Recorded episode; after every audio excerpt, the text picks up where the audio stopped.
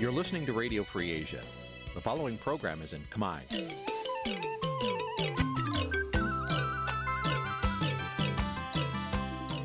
Nǐ ជាកម្មវិធីផ្សាយ Vuthu Azizi Serai នេះជាកម្មវិធីផ្សាយរបស់ Vuthu Azizi Serai ជាភាសាខ្មែរ Vuthu Azizi Serai សូមស្វាគមន៍លោកអ្នកនាងទាំងអស់ពីរដ្ឋធានី Washington នៃសហរដ្ឋអាមេរិកពីរដ្ឋធានី Washington នាងខ្ញុំសុជីវីសូមជម្រាបសួរលោកអ្នកនាងកំពុងស្ដាប់ការផ្សាយរបស់ Vuthu Azizi Serai ទាំងអស់ជាទីមេត្រីយើងខ្ញុំសូមជូនកម្មវិធីផ្សាយសម្រាប់ព្រឹកថ្ងៃច័ន្ទ14កើតខែទុតិយាសាទឆ្នាំថោះបัญចស័កពុទ្ធសករាជ2567ត្រូវនៅថ្ងៃទី31ខែកក្កដាគ្រិស្តសករាជ2023ជាដំបូងនេះសូមអញ្ជើញលោកអ្នកនាង ស្ដាប់ព័ត៌មានប្រចាំថ្ងៃដែលមានមេត្តាដូចតទៅ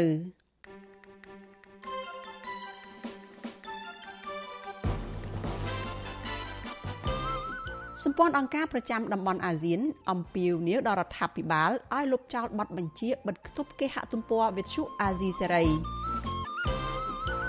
អ្នកខ្លំមើលស្នើឲ្យពង្រឹងទួលនីតិតំណាងរាស្ត្រប្រសើរជាងចំណាយលុយបង្កើតឧត្តមក្រុមប្រឹក្សាពិគ្រោះនិងផ្ដាល់យោបល់ពលរដ្ឋបារម្ភពីអំពើអយុត្តិធម៌សង្គមកើនឡើង នៅពេលលោកហ៊ុនម៉ាណែតឡើងកាន់តំណែងជានាយករដ្ឋមន្ត្រី មន្ត្រីបកប្រជានិងសង្គមស៊ីវិលរិះគន់ការផ្ទេរតំណែងអគ្គទេសាភិបាលនៃធនាគារជាតិពីឪពុកទៅកូន រួមនឹងព័ត៌មានសំខាន់សំខាន់មួយចំនួនទៀតជាបន្តទៅទៀតនេះនាងខ្ញុំសុជីវីសូមជូនព័ត៌មានទាំងនេះពិស្ដាលោកអ្នកនាងកញ្ញាជាទីមេត្រីសម្ព័ន្ធអង្គការប្រចាំតំបន់អាស៊ានដើម្បីបញ្ឈប់ការគ្រប់គ្រងបែបផ្ដាច់ការលើប្រព័ន្ធ Digital ចំនួន10ស្ថាប័នអំពាវនាវដល់រដ្ឋាភិបាលកម្ពុជា ឲ្យលុបចោលបទបញ្ជាមុនពេលបោះឆ្នោតដែលឲ្យបិទគប់គេហទំព័រសារព័ត៌មានឯករាជ្យដូចជាវិទ្យុអាស៊ីសេរីកាសែត The Cambodia Daily និងប្រព័ន្ធមូលដ្ឋានទិន្នន័យឈ្មោះកំណត់ត្រាការអំពាវនាវនេះធ្វើឡើងនៅក្នុងសេចក្តីថ្លែងការណ៍រួមមួយរបស់សម្ព័ន្ធអង្គការទាំងនេះដែលផ្សាយកាលពីថ្ងៃទី25ខែកក្កដាសម្ព័ន្ធអង្គការប្រចាំតំបន់អាស៊ានដែលក្នុងនោះរួមមានមជ្ឈមណ្ឌលសិទ្ធិមនុស្សកម្ពុជាផងថ្កោលទោសការរឹតបន្តឹងរបស់រដ្ឋាភិបាលកម្ពុជា ទៅលើគេហទំព័រប្រព័ន្ធផ្សព្វផ្សាយសារព័ត៌មានមួយចំនួនដែលផ្ដល់ព័ត៌មានសាធារណៈក្រុមអង្គការទាំងនោះថ្កោលទោសការបន្តគ្រប់គ្រងបែបផ្ដាច់ការរបស់រដ្ឋាភិបាលទៅលើប្រព័ន្ធ Digital ពួកគេលើកឡើងថាចំណាត់ការរបស់រដ្ឋាភិបាលកម្ពុជាយ៉ាងដូចនេះធ្វើឲ្យទុនខ្សោយដល់សារព័ត៌មានសេរី និងរារាំងលំហូរព័ត៌មានក្រុមអង្គការទាំងនេះសង្កត់ធ្ងន់ថា ការគ្រប់គ្រងដ៏តឹងរឹងលើប្រព័ន្ធផ្សព្វផ្សាយព័ត៌មាន មានគោលបំណងបង្ក្រាបរាល់ការរិះគន់នានាមកលើរដ្ឋាភិបាលនិងរដ្ឋបិទលទ្ធភាពនៃការទទួលបានសម្លេងប្រឆាំងសម្រាប់ប្រជាជនកម្ពុជា ពួកគេថាការនេះបង្កឲ្យមានការព្រួយបារម្ភជំវិញបញ្ហាដំណាភាពនិងភាពត្រឹមត្រូវនៃដំណើរការបោះឆ្នោតនៅកម្ពុជាសម្ព័ន្ធអង្គការប្រចាំតំបន់អាស៊ានទាំងនេះជំរុញរដ្ឋាភិបាលកម្ពុជា លើកកម្ពស់បទដ្ឋានសិទ្ធិមនុស្សអន្តរជាតិតាមរយៈការការពារសេរីភាពនៃការបញ្ចេញមតិ និងព័ត៌មានដោយដែលមានចែងនៅក្នុងមាត្រា19នៃសេចក្តីប្រកាសជាសកល ស្តីពីសិទ្ធិមនុស្សនិងកតិកាសញ្ញាអន្តរជាតិស្តីពីសិទ្ធិពលរដ្ឋនិងសិទ្ធិនយោបាយបញ្ញត្តិទាំងនេះការពារសិទ្ធិបុគ្គលក្នុងការបញ្ចេញមតិដោយសេរីសិទ្ធិទទួលបានព័ត៌មាន និងការចែករំលែកចំណេះដឹង ទាំងនៅលើអនឡាញនិងនៅក្នុងសង្គមជាក់ស្ដែងទន្ទឹមគ្នានេះ សម្ព័ន្ធអង្គការប្រចាំតំបន់អាស៊ានក៏អំពាវនាវដល់រដ្ឋាភិបាលកម្ពុជាឲ្យលើកកម្ពស់ទស្សនវិជ្ជានយោបាយនិងសង្គមមួយដែលសារព័ត៌មានឯករាជ្យត្រូវបានអនុញ្ញាតឲ្យមានការរីកចម្រើនក្រុមអង្គការទាំងនេះក៏ជំរុញឲ្យរដ្ឋាភិបាលកម្ពុជាលុបចោលអនុក្រឹត្យច្រកទ្វារអ៊ីនធឺណិតជាតិដែលត្រូវបានបង្កើតឡើងនៅក្នុងគោលដៅតាមដានសកម្មភាពរបស់ពលរដ្ឋនៅលើអនឡាញ។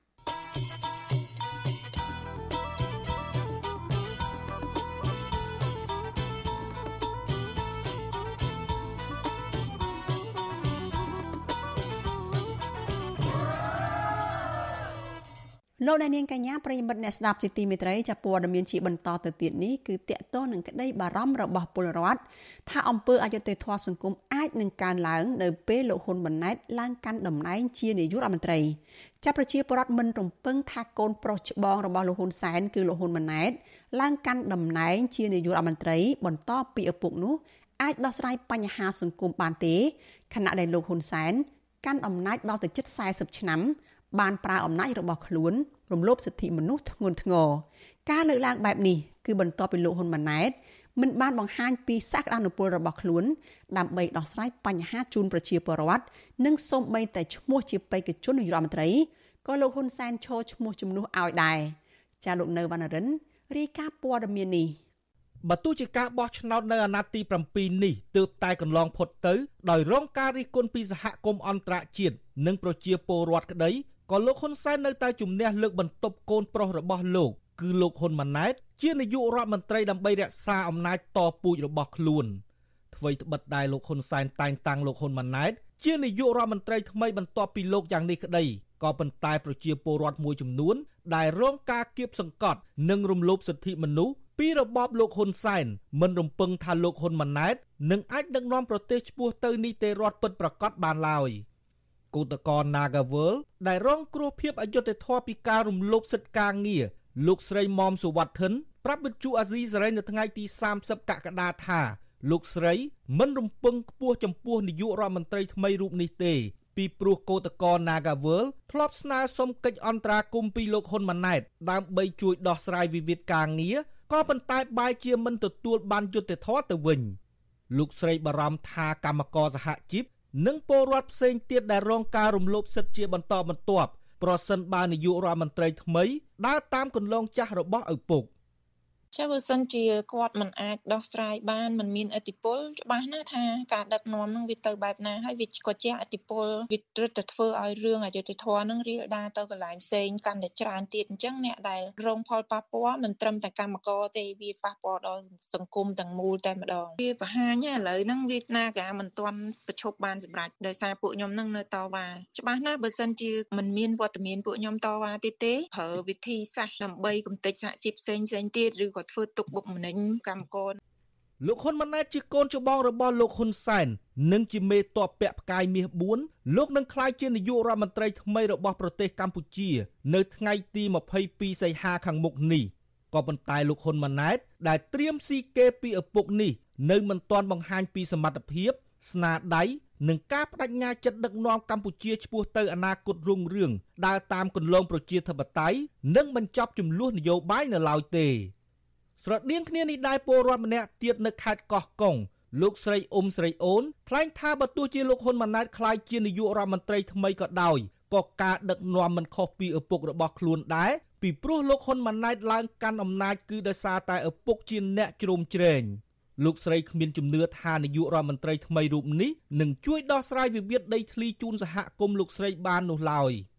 នឹងធ្វើម៉េចដែលយើងចង់នេះមិនក៏នៅតែគ្នាទោះតែអូធ្លាក់ក៏នៅកូនឡើងដដែលហើយវានៅតែដដែលដែរណារយុទ្ធធម៌វាមិនឃើញដែរណាក៏ត្រូវព្រួយបារម្ភដែរណាព្រួយបារម្ភខ្លាំងហ្មងណារយុទ្ធធម៌វាមិនឃើញទេអត់មានសង្ឃឹមកន្លែងណាមួយឡើយទេគឺត្រូវអស់សង្ឃឹមយ៉ាងណាសកម្មជនចលនាមេដាធម្មជាតិលោកលីច័ន្ទដារាវុធក៏សម្គាល់ឃើញថាការឡើងតំណែងរបស់លោកហ៊ុនម៉ាណែតគឺមិនធ្វើឲ្យប្រព័ន្ធយុត្តិធម៌ក្នុងសង្គមមានភាពប្រសើរឡើងនោះទេ ពីព្រោះលោកហ៊ុនសែននៅតែជាអ្នកបញ្ជាពីក្រោយខ្នងដដែលលោកបន្តថារដ្ឋាភិបាលថ្មី គួរតែគិតគូរឡើងវិញពីការដណ្ដើមអំណាចគ្នានេះពីព្រោះអ្នកដែលខាតបង់និងរងគ្រោះគឺប្រជាពលរដ្ឋហើយនៅមានតនកម្មឬសម្ពាធផ្សេងទៀតពីសហគមន៍អន្តរជាតិ ខ្ញុំយល់ថាបើសិនជាលោកហ៊ុនម៉ាណែតមានចំណេះមានជំនាញមែនណាការបោះឆ្នោតនៅក្នុងឆ្នាំ2023ហ្នឹងវាគួរតែធ្វើឡើងដោយស្មារតីគួរតែមានដៃគូចូលរួមប្រកួតអាហ្នឹងទើបគេបញ្ចេញសមត្ថភាពហ៊ុនម៉ាណែតហ្នឹងឲ្យប្រជាជនឃើញប៉ុន្តែខ្ញុំផ្ទុយទៅវិញខ្ញុំឃើញការបោះឆ្នោតឆ្នាំ2023ហ្នឹងធ្វើឡើងដោយអាចនិយាយថាជាការកលិចកលុចជាការបោកប្រាស់ហេតុអីដោយសារតែមុននឹងបោះឆ្នោតបេក្ខភាពនាយករដ្ឋមន្ត្រីគឺលោកហ៊ុនសែនបេក្ខភាពនៅអនាគតគឺលោកហ៊ុនម៉ាណែតប៉ុន្តែក្រោយពេលបោះឆ្នោតហើយលោកហ៊ុនសែនមិនបានឡើងធ្វើនាយករដ្ឋមន្ត្រីនោះលោកហ៊ុនម៉ាណែតឡើងបាត់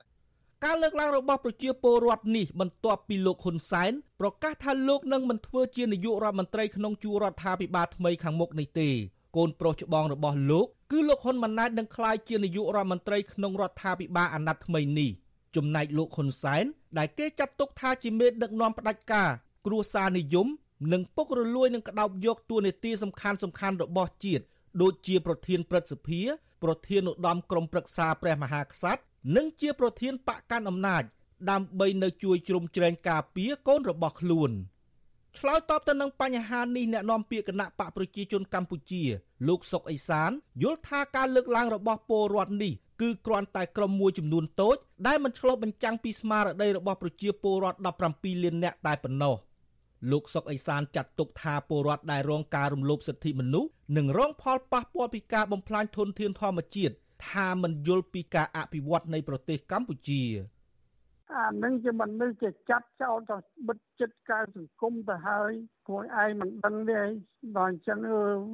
ទៅដោះស្រាយណាគេមិនដោះស្រាយទេគេដោះស្រាយតាមតាមគោលការណ៍ច្បាប់ហើយបើដោះស្រាយតាមគោលការណ៍ច្បាប់ហើយយើងមិនទទួលយើងចេះតែពូជតាមចិត្តយើងអានឹងប្រទេសមួយគេដឹកនាំប្រទេសតែស្របតាមគោលការណ៍ច្បាប់គេមិនដឹកនាំស្របទៅតាមគំនិតចង់បានរបស់ក្រុមជនតូចមួយចំនួនតូចនោះទេ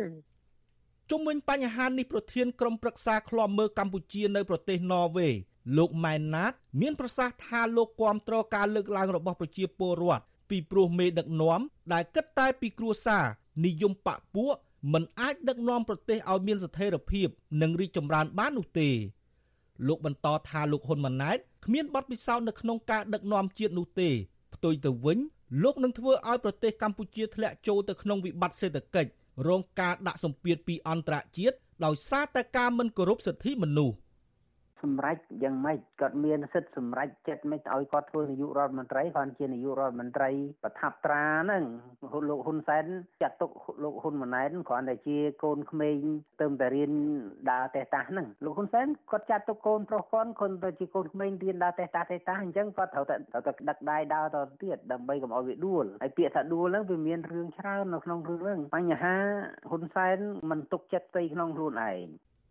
លោកហ៊ុនម៉ាណែតនឹងឡើងធ្វើជានាយករដ្ឋមន្ត្រីកម្ពុជាថ្មីនៅក្នុងខែសីហាខាងមុខនេះដោយលោកបានបដិញ្ញាថាលោកនឹងខិតខំការពារឲ្យខានតែបាន នៅសន្តិភាពដើម្បីធានាដល់ការអភិវឌ្ឍនិងភាពសុខសាន្តរបស់ប្រជាពលរដ្ឋ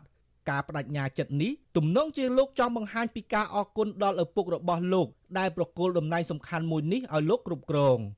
លោកហ៊ុនម៉ាណែត ក្លាយជានាយករដ្ឋមន្ត្រីថ្មីរបស់កម្ពុជានៅពេលខាងមុខក្រោយការបោះឆ្នោតមួយដែលគ្មានគណៈបកប្រឆាំងគឺគណៈបកភ្លើងទៀនចូលរួមប្រគល់ប្រជែងក្នុងការបោះឆ្នោតមុននឹងក្លាយជានាយករដ្ឋមន្ត្រីលោកហ៊ុនសែនដែលជាឪពុកតែងចេញការពារកូនប្រុសរបស់ខ្លួននិងថែមទាំងឡើងតំណែងតំណន្តរស័ក្តិរហូតជាឧត្តមសេនីយ៍ផ្កាយ4បន្ទាប់ពីលោកបានកាន់តួនាទីជាអគ្គមេបញ្ជាការរងកងយុទ្ធពលខេមរៈភូមិន្ទ ជាមេបញ្ជាការកងទ័ពជើងគោកមេបញ្ជាការកងកម្លាំងពិសេសប្រឆាំងភេរវកម្មនិងជាមេបញ្ជាការរងកងអង្គរៈលោកហ៊ុនសែនជាដើមពលរដ្ឋមិនរំពឹងថាលោកហ៊ុនម៉ាណែតនឹងដឹកនាំប្រទេសឲ្យមានសន្តិភាពនិងប្រជាធិបតេយ្យពិតប្រាកដនោះទេព្រោះលោកហ៊ុនសែននៅកាន់អំណាចជាក្បាលម៉ាស៊ីនដឹកនាំបកនិងជាស្ថាប័នកម្ពុជាដដែលខ្ញុំបាទនៅវណ្ណរិន with Chu Azizi Saray ពីរដ្ឋធានី Washington លោកអ្នកនាងកញ្ញាជាទីមេត្រីចាអ្នកសិក្សាផ្នែកច្បាប់និងជាអ្នកតាមដានស្ថានភាពនយោបាយលើកឡើងថាគឺជារឿងគួរឲ្យអស់សំណើចដែលថាលោកហ៊ុនសែនសុកចិត្តលះបង់អំណាច នៅអាណត្តិទី7នេះដោយលាឈប់ធ្វើជានាយករដ្ឋមន្ត្រី ដែលផ្ទុយទៅវិញគឺលោកហ៊ុនសែននៅតែអាចកាន់អំណាចពេញក្នុងដៃដដែលលើសពីនេះលោកហ៊ុនសែនថែមទាំងអាចការពារការឡើងកាន់អំណាចរបស់កូនប្រុសដើម្បីសម្រេចតាមគោលបំណងធ្វើឲ្យកម្ពុជា មានអ្នកដឹកនាំតពូជតត្រកូលទៀតផងចាសសូមអញ្ជើញលោកអ្នកនាងរងចាំស្ដាប់បទសម្ភាសរវាងនាងខ្ញុំសុជីវីជាមួយលោកវ៉ាន់ចាន់ឡូតអ្នកសិក្សាផ្នែកច្បាប់អំពីរឿងនេះនៅក្នុងការផ្សាយរបស់យើងនៅពេលបន្តិចទៀតនេះ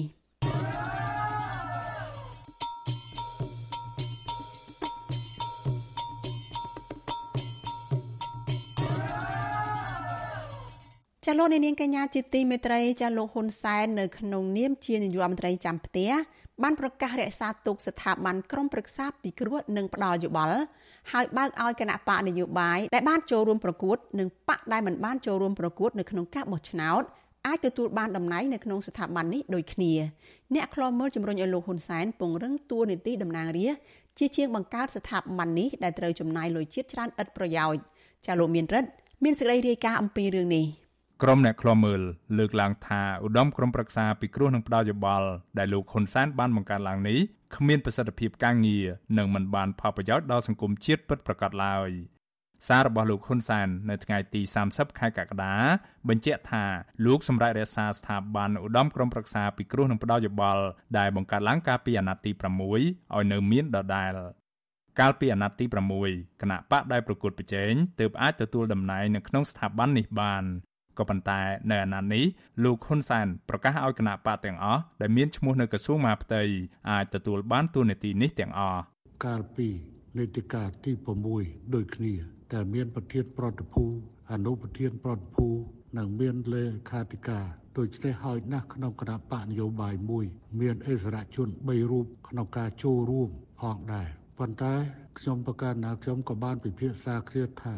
វាជាលទ្ធភាពដែលបើកឲ្យគណៈបកនយោបាយដែលមិនបានចូលរួមការបោះឆ្នោតប៉ុន្តែ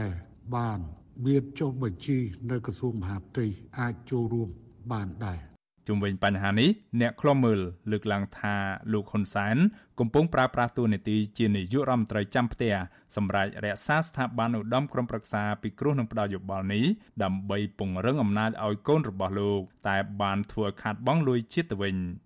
អ្នកវិភាគនយោបាយលោកកឹមសុខមានប្រសាសន៍ថារដ្ឋាភិបាល ដែលលោកហ៊ុនសែនគ្រងនឹងផ្ទេរអំណាចតពូជឲ្យទៅលោកហ៊ុនម៉ាណែតនៅអាណត្តិទី7នេះខ្វះភាពកក់ក្ដៅទើបបានជាលោកហ៊ុនសែនជួយចាត់ចែងរៀបចំឲ្យបន្តស្ថាប័នឧត្តមក្រុមប្រឹក្សាពិគ្រោះនឹងផ្ដាល់យោបល់នេះឡើងហ៊ុនម៉ាណែតរងាណាពីព្រោះ ប្រជាពលរដ្ឋមានប្រតិកម្មមិនយល់ស្របទៅនឹងការកាន់តំណែងនាយករដ្ឋមន្ត្រីរបស់គាត់នៅពេលដែលគណៈបកប្រឆាំងធំធំនៅតែធ្វើយុទ្ធនាការប្រឆាំងនឹងតំណែងខុសច្បាប់របស់ហ៊ុនម៉ាណែតហើយហ៊ុនម៉ាណែតខ្លាចណាស់ពីព្រោះមកដល់ពេលនេះហើយគណៈកម្មាធិការអចិន្ត្រៃយ៍របស់គណៈបកប្រជាជនកម្ពុជាមិនទាន់ទាំងបានបង្ហាញជំហរគ្រប់គ្រងឲ្យហ៊ុនម៉ាណែតធ្វើនាយករដ្ឋមន្ត្រីផង រីឯអ្នកសម្របសម្រួលផ្នែកអង្កេតនឹងតស៊ូមតិនៃអង្គការ Confrel លោកកនសវាងវិញលោកសង្កេតឃើញថាឧត្តមក្រុមប្រឹក្សាពិគ្រោះនឹងផ្ដល់យោបល់នៅអាណត្តិទី6កន្លងទៅមិនបានបំពេញការងារអ្វីគួរឲ្យកត់សម្គាល់សម្រាប់ជាប្រយោជន៍ជាតិនោះទេវាគ្រាន់តែបានមកផ្ដល់ព័ត៌មានប៉ុន្តែខ្ញុំមើលមិនឃើញអំពីប្រសិទ្ធភាពនៅក្នុងដំណើរការនឹងទេពីព្រោះហេតុអី ដោយសារតែគណៈបកមួយមួយមានគោលនយោបាយរបស់ខ្លួននៅរឿងនឹងខ្លួនដោយឡែកអ្នកសិក្សាកិច្ចការសង្គមនិងនយោបាយលោកប៉ៅមករាលើកឡើងថាទួលនីតិរបស់ឧត្តមក្រុមប្រឹក្សាពិគ្រោះនឹងផ្ដោតយោបល់ដែលបង្កើតឡើងមកនេះជាន់គ្នាជាមួយទួលនីតិតំណាងរាលោកបន្តថាគណៈបណ្ឌនយោបាយដែលបានចុះបញ្ជីនៅក្រសួងមហាផ្ទៃមានដល់ទៅជាង40គណៈបក ដូច្នេះហើយបើយកមួយបក3នាក់ឲ្យចុះបំពេញការងារនៅក្នុងស្ថាប័ននេះដោយការពីពេលមុនទៀតនោះនោះនឹងធ្វើឲ្យការចំណាយលុយជាតិកាន់តែច្រើនខ្ញុំគិតថាឧត្តមក្រមប្រឹក្សាពិគ្រោះក្នុងប្រយោបល់ហ្នឹងវាបានជាលទ្ធផលហ្នឹងតិចតួចមែនទែនមួយអាណត្តិនេះបើយើងងាកមកមើលការចំណាយថវិកាសម្រាប់ស្ថាប័នមួយនេះគឺវាអស់ច្រើនក្នុងមួយឆ្នាំអស់ប្រហែលជា1លានដុល្លារ1លានដុល្លារណាសម្រាប់ស្ថាប័នមួយហ្នឹង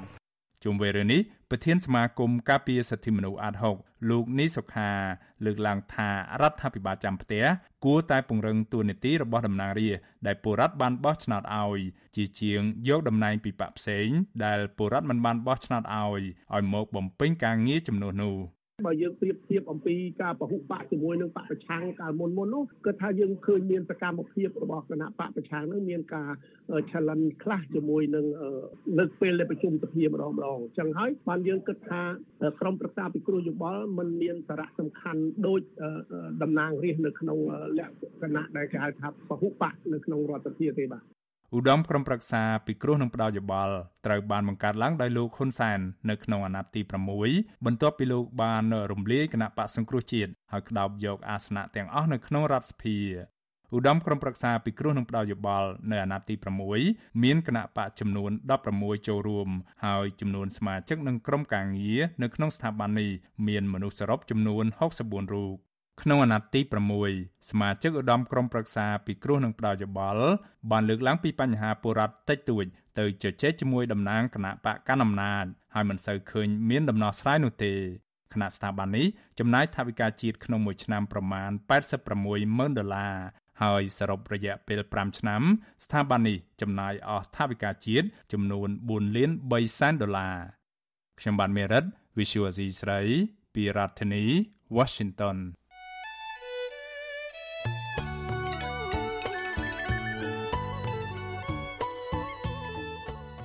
លោកអ្នកនាងកញ្ញាប្រិយមិត្តជាទីមេត្រីដំណើរគ្នានឹងស្ដាប់ការផ្សាយរបស់ Vithu Azizi សេរីតាមបណ្ដាញសង្គម Facebook YouTube និង Telegram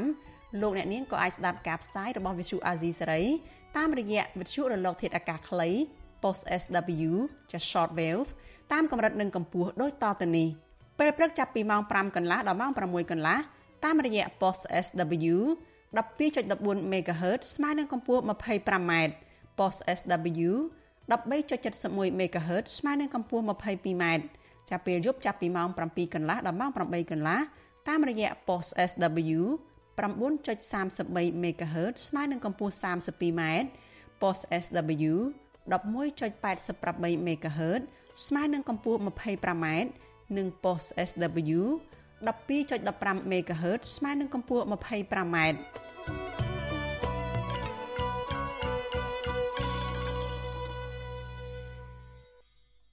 លោកអ្នកនាងកញ្ញាប្រិយមិត្តជាទីមេត្រីលោកអ្នកកំពុងស្ដាប់វិទ្យុអាស៊ីសេរីផ្សាយចេញពីរដ្ឋធានី Washington សហរដ្ឋអាមេរិកមន្ត្រីបកប្រឆាំងនិងមន្ត្រីអង្គការសង្គមស៊ីវិលរិះគន់ចំពោះការតែងតាំងកូនស្រីបង្កើតរបស់លោកជាចន្ទោគឺអ្នកស្រីជាសេរី ឲ្យធ្វើជាអគ្គទេសាភិបាលនៃធនាគារជាតិដែលជំនួសមុខតំណែងឪពុកនៅក្នុងពេលបច្ចុប្បន្នពួកគេចាត់ទុកការតែងតាំងចាក់ស្រេះដោយខ្សែស្រឡាយបពពួកនិយមនេះកំពុងនាំឲ្យប្រទេសកម្ពុជាដើរថយក្រោយទៅរកអតីតកាលដ៏អន់ថយចាលោកមានរិទ្ធមានសេចក្តីរាយការណ៍មួយទៀតអំពីរឿងនេះស្របពេលដែលលោកហ៊ុនសែនប្រកាសផ្ទេរតំណែងនាយករដ្ឋមន្ត្រីឲ្យកូនប្រុសបង្ការរបស់លោកគឺលោកហ៊ុនម៉ាណែតនាពេលខាងមុខនេះ លោកក៏បានផ្ដល់ទួនាទីក្រាក់ក្រាក់ទាំងក្នុងជួររដ្ឋាភិបាល មន្ត្រីរាជការកងកម្លាំងប្រដាប់អាវុធដល់កូនអ្នកធំឲ្យធ្វើការមានតំណែងខ្ពង់ខ្ពស់ចូលកាន់តំណែងជំនួសឪពុករបស់ពួកគេដែរមន្ត្រីគណៈបពប្រឆាំងរិះគន់ការតែងតាំងកូនកូនរបស់មេដឹកនាំឲ្យកាន់តំណែងក្រាក់ក្រាក់ទាំងនេះនៅតាមក្រសួងស្ថាប័នរដ្ឋថាជាការផ្ទេរអំណាចតពូជដែលមានលោកហ៊ុនសែនធ្វើជាគំរូអាក្រក់ដល់មនុស្សចំនួនក្រោយ មន្ត្រីគណៈបកសង្គ្រោះជាតិលោកអ៊ុំសមានលើកឡើងថាការដែលរបបដឹកនាំរបស់លោកហ៊ុនសែនចាប់ផ្ដើមតែងតាំងកូនចៅចូលទៅគ្រប់គ្រងនៅក្នុងក្រសួងស្ថាប័នរដ្ឋជំនួសឪពុករបស់ពួកគេជាបណ្ដាបណ្ដាមុនីគឺជាវប្បធម៌ជួយគ្នាទៅវិញទៅមករបស់មេដឹកនាំផ្ដាច់ការ លោកមើលឃើញថាកូនចៅរបស់ប្រជាពលរដ្ឋសាមញ្ញដែលទទួលបានការអប់រំខ្ពស់មានចំណេះដឹងជំនាញនិងសមត្ថភាពពេញលេញអាចកាន់ការងារសំខាន់សំខាន់របស់ជាតិបានក៏ប៉ុន្តែពួកគេបានបាត់បង់ឱកាសដោយសារតែប្រព័ន្ធដឹកនាំបែបគ្រួសារឬបពុនិយមបែបនេះ លោកថាប្រព័ន្ធដឹកនាំនឹងការផ្ទេរអំណាចតពូជរបស់លោកហ៊ុនសែនកំពុងធ្វើឲ្យអន្តរាយដល់ជាតិចំណែកឯស្ថានភាពប្រជាធិបតេយ្យនៅកម្ពុជាក៏កាន់តែយ៉ាប់យ៉ឺនទៅយ៉ាប់យ៉ឺនទៅហើយអ្នកដែលរងគ្រោះគឺពលរដ្ឋស្លូតត្រង់ប្រព័ន្ធនៃការដឹកនាំមកអត់មានការផ្លាស់ប្ដូរអត់មានការកែប្រែទេអត់មានកំណែតម្រង់ទេគឺទោះបីអ្នកនឹងមានសមត្ថភាពមានចំណេះដឹងប៉ុណ្ណាក៏មិនអាចទៅរួចដែរហ៊ុនសែននៅមានអំណាចពេលណៃ អញ្ចឹងដូច្នេះលោកហ៊ុនម៉ាណែតមិនអាចរើខ្លួនរួចឬអ្នកឈាមថ្មីមិនអាចរើខ្លួនខ្លួនខ្លួនរួចពីលោកហ៊ុនសែននោះទេបាទ ប្រតិកម្មរបស់មន្ត្រីគណៈបពប្រឆាំងបែបនេះធ្វើឡើងបន្ទាប់ពីព្រះមហាក្សត្រនរោត្តមសីហមុនីនៅថ្ងៃទី29ខែកក្កដាបានចេញព្រះរាជក្រឹត្យតែងតាំងកូនស្រីបង្កើតរបស់លោកជាចន្ទោគឺអ្នកស្រីជាសេរីឲ្យឡើងកាន់តំណែងជាអគ្គទេសាភិបាលនៃធនាគារជាតិនៃកម្ពុជាជំនួសឪពុកតាមរយៈការស្នើសុំរបស់លោកនាយរដ្ឋមន្ត្រីហ៊ុនសែន ការតែងតាំងនេះធ្វើឡើងនៅមិនដល់4ខែផងក្រោយអ្នកស្រីជាសេរីត្រូវបានតែងតាំងជាអគ្គទេសាភិបាលរងនៃធនាគារជាតិនៃកម្ពុជា កាលពីថ្ងៃទី1ខែមីនាវិសុវស៊ីស្រីមិនអាចតាក់ទងអ្នកស្រីជាសេរីដើម្បីបញ្ជាក់ជុំវិញរឿងនេះបាននៅឡើយទេនៅថ្ងៃទី30ខែកក្កដាអ្នកស្រីជាសេរីបានរៀនចប់ថ្នាក់បណ្ឌិតផ្នែកសេដ្ឋកិច្ចពីប្រទេសអូស្ត្រាលីស្របពេលដែលឪពុករបស់អ្នកស្រីគឺលោកជាចន្ទោ កំពុងកាន់តំណែងកំពូលនៅក្នុងវិស័យធនាគារជាតិនៅកម្ពុជា អ្នកស្រីជាសេរីទទួលបានតំណែងនៅក្នុងស្ថាប័ននេះជាបន្តបន្ទាប់រហូតកាន់តំណែងជាអគ្គទេសាភិបាលនៃធនាគារជាតិនៃកម្ពុជាជំនួសឲ្យឪពុកនាពេលនេះ ទោះជាយ៉ាងណាលោកអ៊ុំសមានមើលឃើញថាការតែងតាំងមន្ត្រីរដ្ឋាភិបាល ជាពិសេសអ្នកស្រីជាសេរីក្នុងអំឡុងពេលរដ្ឋាភិបាលចាំផ្ទះឬមិនទាន់ប្រកាសរដ្ឋាភិបាលថ្មីចូលកាន់តំណែងនៅឡើយនោះគឺជាការរំលោភច្បាប់ លោកយល់ថាមូលហេតុដែលលោកហ៊ុនសែនបញ្ញាបញ្ញាលស្នើសុំព្រះមហាក្សត្រឡាយព្រះហស្ថលេខាតែងតាំងអ្នកស្រីជាសេរីឲ្យធ្វើជាអគ្គទេសាភិបាលនៃធនាគារជាតិនៃកម្ពុជាជំនួសឲ្យលោកជាចន្ទោដែលជាឪពុកនោះព្រោះលោកហ៊ុនសែនចង់លួងលោមឲ្យមន្ត្រីថ្នាក់ក្រោមគ្រប់គ្រងចំពោះការផ្ទេរអំណាចតពូជរបស់លោក ជុំវិញរឿងនេះនាយកមជ្ឈមណ្ឌលប្រជាពលរដ្ឋដើម្បីសន្តិភាពនិងការអភិវឌ្ឍលោកយងកំឯងមានប្រសាសន៍ថាពលរដ្ឋទូទៅមិនចង់ឃើញការតែងតាំងកូនចៅឬបពពួកនៅតាមក្រសួងស្ថាប័នរដ្ឋយ៉ាងដូចនេះនោះទេខណៈលោកថាប្រទេសជាច្រើននៅក្នុងពិភពលោកកំពុងរិះគន់និងប្រយុទ្ធប្រឆាំងទៅនឹងនិន្នាការយ៉ាងដូចនេះ លោកបញ្ជាក់ថាប្រព័ន្ធគ្រប់គ្រងប្រទេសបែបគ្រួសារនិងបពពួកនិយមបែបនេះធ្វើឲ្យមានទំនាស់ផលប្រយោជន៍អភិបាលកិច្ចចុះទុនខ្សោយនិងមិនអាចបម្រើផលប្រយោជន៍ជាតិបានពិតប្រាកដនោះឡើយហើយផលវិបាកជាងគេនោះគឺនាំឲ្យមានការប្រព្រឹត្តអំពើពុករលួយជាប្រព័ន្ធនៅក្នុងស្ថាប័ននោះតែម្ដងកលៈទេសៈនេះ បើសិនជាមិនមានការបើកសេរីភាពឲ្យមានការប្រជែងមតិយោបល់របស់ពលរដ្ឋឲ្យច្រើននៅក្នុងការឆ្លុះបញ្ចាំងអំពីអភិបាលកិច្ចទេនោះគឺបញ្ហាអភិបាលកិច្ចហ្នឹងនឹងអាចនឹងដាំក្បាលចុះយ៉ាងខ្លាំងដែរប៉ះពាល់ទៅដល់ជីវភាពក៏ដូចជាការរស់នៅរបស់ប្រជាពលរដ្ឋប៉ុន្តែបើសិនជាឲ្យមានសេរីភាពនៃការប្រជែងមតិឲ្យបានទូលំទូលាយហើយអ្នកដឹកនាំក៏លោកអាចនឹង យកនៅមតិយោបល់របស់ប្រជាពលរដ្ឋយកទៅត្រេះរិះពិចារណាហ្នឹងគឺអាចនឹងជួយទប់កុំអោយបញ្ហាទំនាស់ផលប្រយោជន៍ហ្នឹងស្រូបយកនៅផលប្រយោជន៍របស់ប្រជាពលរដ្ឋការបញ្ចូលឈាមថ្មីរបស់បកកណ្ដាលអំណាចទៅក្នុងជួរដឹកនាំរដ្ឋាភិបាល និងនៅថ្នាក់ក្រោមជាតិ បានកើនឡើងកាន់តែខ្លាំងឡើងខ្លាំងឡើងក្រោយពេលកម្ពុជារៀបចំការបោះឆ្នោតកាលពីពេលថ្មីថ្មីនេះដែលត្រូវសហគមន៍ជាតិនិងអន្តរជាតិមើលឃើញថាជាការបោះឆ្នោតคล้ายៗដើម្បីធានាដល់ផែនការផ្ទេរអំណាចតពូជដោយរលូនកូនចៅនិងសាច់ញាតិរបស់មេដឹកនាំគណបកប្រជាជនកម្ពុជា ត្រូវបានតែងតាំងជាមេតបមេប៉ូលីសរដ្ឋលេខាធិការអនុរដ្ឋលេខាធិការអគ្គនាយកអគ្គនាយករងអភិបាលខេត្តអភិបាលរងខេត្តហើយទីបំផុតក៏ត្រឹមឋានៈអភិបាលស្រុកដែរពួកគេខ្លះរស់នៅនិងរៀនសូត្រនៅក្រៅប្រទេសរួចត្រឡប់មកកាន់តំណែងក្រាក់ក្រាក់ដែលឪពុកជាអ្នកលើកបន្ទប់ឲ្យដោយគ្មានអតីតភាពការងារឬឆ្លងកាត់ការប្រកួតប្រជែងត្រឹមត្រូវនោះឡើយក្រមយុវជននិងមន្ត្រីគណៈបពប្រឆាំង ប្រកាសមិនគាំទ្រនយោបាយគ្រប់គ្រងប្រទេសតាមបែបគ្រួសារនិងបកពុនិយមបែបនេះឡើយពីព្រោះកម្ពុជា មិនមែនជាប្រទេសផ្ដាច់មុខរបស់ក្រុមណាមួយនោះទេដូច្នេះហើយពួកគេអំពាវនាវដល់យុវជនទូទៅឲ្យប្រើប្រាស់សិទ្ធិរបស់ខ្លួន ដើម្បីប្រឆាំងទៅនឹងទង្វើគ្រួសារនិងបកពុនិយមរបស់គណៈបកកណ្ដាលអំណាចបែបនេះខ្ញុំបានមេរិត Visual C ស្រីពីរដ្ឋធានី Washington លោកនាងជាទីមេត្រីចាងាកទៅព័ត៌មានតកតនៅរឿងរ៉ាវក្តីក្តាំរបស់មន្ត្រីគណៈបកភ្លើងទៀនឯនោះវិញចាមន្ត្រីគណៈបកភ្លើងទៀនស្នើឲ្យក្រុមប្រឹក្សាធម្មនុញ្ញពិចារណាទាត់ចោលការសម្រេចរបស់គណៈកម្មាធិការជាតិរៀបចំការបោះឆ្នោតកោជបដែលបានដកហូតសិទ្ធិចូលឈ្មោះឲ្យគេបោះឆ្នោត និងផាកពិន័យជាប្រាក់មន្ត្រីនិងសកម្មជនគណៈបក5នាក់ការស្នើនេះដោយសារមន្ត្រីបកប្រឆាំងយល់ថា ការសម្រេចរបស់កោជបគឺជាការបំពានសិទ្ធិយ៉ាងធ្ងន់ធ្ងរ ទៅលើមន្ត្រីនិងសកម្មជនបករបស់ខ្លួនចាលោកជីវតារាយការណ៍ព័ត៌មាននេះការស្នើនេះធ្វើឡើងស្របពេលក្រមប្រឹក្សាធម្មនុញ្ញកំពុងពិនិត្យលើពាក្យបណ្ដឹងរបស់ក្រមមន្ត្រីគណៈបកភ្លើងទៀនដែលបានប្តឹងជំទាស់ទៅនឹងការសម្រេចរបស់គោជបដែលបានដកហូតសិទ្ធិមិនអោយពួកគេចូលឈ្មោះបោះឆ្នោតនិងពិន័យជាប្រាក់រាប់លានរៀលដោយសារពួកគេបង្ខំសัญลักษณ์ឆ្នោតគូសខ្វែង អ្នកនាំពាក្យគណៈបកភ្លើងទៀនលោកគឹមសុភិរិទ្ធប្រាប់វិទ្យុអាស៊ីសេរីនៅថ្ងៃទី30កក្កដាថាការយកច្បាប់ស្ដីពីវិសោធនកម្មច្បាប់បោះឆ្នោតមកដាក់ទណ្ឌកម្មលើមន្ត្រីនិងសកម្មជនរបស់លោកបែបនេះប៉ះពាល់ធ្ងន់ធ្ងរដល់សិទ្ធិនយោបាយនិងជីវភាពរបស់ពួកគាត់លោកបន្តថាពីព្រោះច្បាប់នេះបានប្រើប្រាស់រយៈពេលខ្លីបំផុតក្នុងការធ្វើវិសោធនកម្មនិងការប្រកាសឲ្យប្រើប្រាស់ដោយមិនបានឆ្លងកាត់ការពិគ្រោះយោបល់ជាមួយភាគីពាក់ព័ន្ធ និងមិនបានទុកពេលផ្សព្វផ្សាយឲ្យពលរដ្ឋយល់ដឹងជាមុនឡើយមិនត្រឹមតែបន្ទាន់ទេវាអាចនឹងធ្វើឲ្យមានការប៉ះពាល់ដល់សិទ្ធិការដកសិទ្ធិអញ្ចឹងសន្នកម្មគេមិនសូវទៅឃើញអញ្ចឹងទេការធ្វើសន្នកម្មច្បាប់ណាដែលប៉ះពាល់ដល់សិទ្ធិប្រជាពលរដ្ឋឬក៏ប៉ះពាល់ដល់ផលប្រយោជន៍ប្រជាពលរដ្ឋអាហ្នឹងគេមិនធ្វើទេគេនិយាយមែនតើហើយក៏គេត្រូវការបើធ្វើក៏គេត្រូវការពេលវេលាធ្វើ referendum ឲ្យគ្រប់គ្រាន់ដែរការលើកឡើងរបស់អ្នកនាំពាក្យបកប្រឆាំងនេះ ធ្វើឡើងបន្ទាប់ពីក្រុមប្រឹក្សាធម្មនុញ្ញបានចេញដីកាចំនួន2ក៏ហៅមេធាវីតំណាងក្រមមន្ត្រីគណៈបកភ្លើងទៀនទៅបំភ្លឺជុំវិញបណ្ដឹងជំទាស់ទៅនឹងសេចក្តីសម្រេចរបស់គោជបនៅថ្ងៃទី30និងថ្ងៃទី31កក្កដាជុំវិញបញ្ហានេះវិទ្យុអាស៊ីសេរីមិនទាន់អាចសុំការបញ្ជាក់បន្ថែមពីមេធាវីតំណាងឲ្យក្រមមន្ត្រីគណៈបកភ្លើងទៀនគឺលោកសំសុគង្គបានទេ នៅថ្ងៃទី30កក្កដាកាលពីថ្ងៃទី27កក្កដា គោជបបានសម្រេចបំកល់សំណុំរឿងគូសខ្វែងសន្លឹកឆ្នោតរបស់មន្ត្រីគណៈបកប្រឆាំង3នាក់និងអ្នកគាំទ្រ2នាក់ទុកជាបានការតាមការសម្រេចរបស់មន្ត្រីថ្នាក់ក្រោម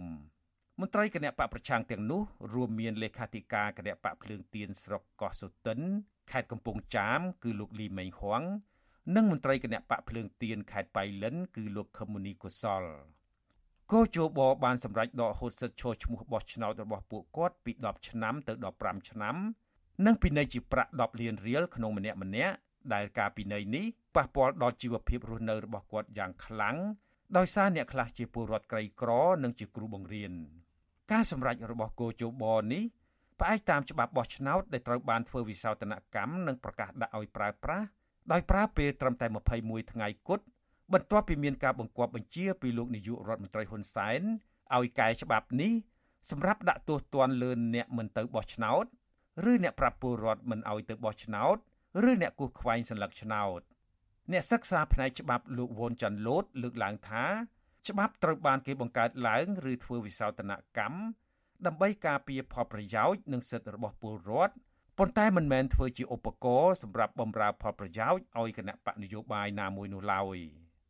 យើងមានការផ្លែកចិត្តមានការផ្លែកត្រង់ថាច្បាប់នៅកម្ពុជា